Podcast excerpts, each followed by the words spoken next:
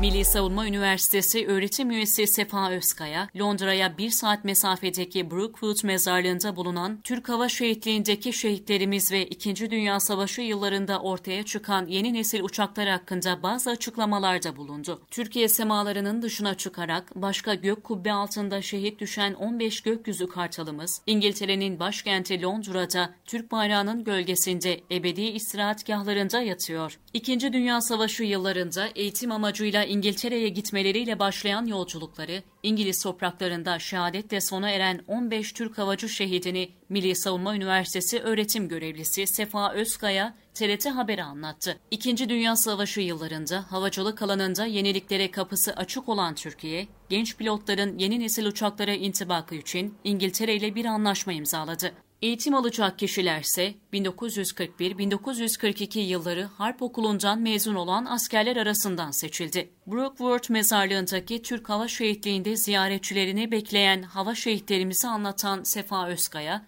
konuşmasının başında o dönemin gelişmekte olan havacılığına değindi. O sıralarda önce Almanların, sonra İngilizlerin ve diğer devletlerin ilk jet uçaklarının ortaya çıktığını söyleyen Özkaya, Türkiye'nin kendisini bu teknolojiye yetişmek zorunda hissettiğini ifade etti.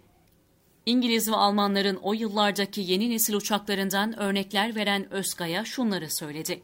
İlk jet uçakları Almanların Messerschmitt adını verdikleri uçaklar. Bunun karşılıkları İngilizler de yine uçaklar geliştiriyorlar. Özellikle bunlara rekabet eden mesela Spitfire tipi uçaklar. Tabii onlar için pervaneli uçaklar da var. Eğitim yaptığımız mesela Airspeed Oxford tipi uçaklar. Konuşmasının devamında İngiltere'deki ebedi filodan ilk hava şehitlerimizin havacı teğmen Raşit Nalbant olduğunu açıklayan Özkaya, Nalbant'ın 1942 yılında uçağının çakılması sonucu şehit düştüğünü dile getirdi. Diğer şehitlerimizden birkaçını da isimleriyle birlikte anan Özkaya şunları ifade etti. Bir başka hava şehidimiz Teğmen Ali Aksu'dur. Ali Aksu, Teğmen başka bir İngiliz uçağıyla havada uçarken yine başka bir öğrenci olan İngilizle birlikte havada eğitim esnasında çarpışarak şehit düşmüştür. Yine şehitlerimizden Saim Parlak, hava pilot adayı temelimiz. Saim Parlak ise enerji nakil hatlarına takılarak şehit düşüyor. O dönemde eğitim uçaklarına bakıldığında çoğunluğunun silahlı olmadığına dikkat çeken Özkaya, Teğmen Hakkı Akarçay'ın şehadetiyle ilgili şunları söyledi.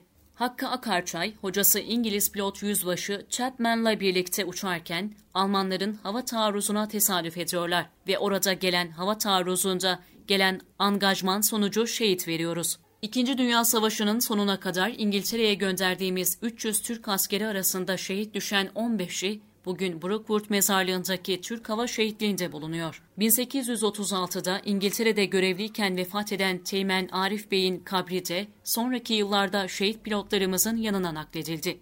Brookwood'daki Türk Hava Şehitliği bugünkü haline 1990'larda Hava Kuvvetleri Komutanlığı'nın girişimiyle kavuştu.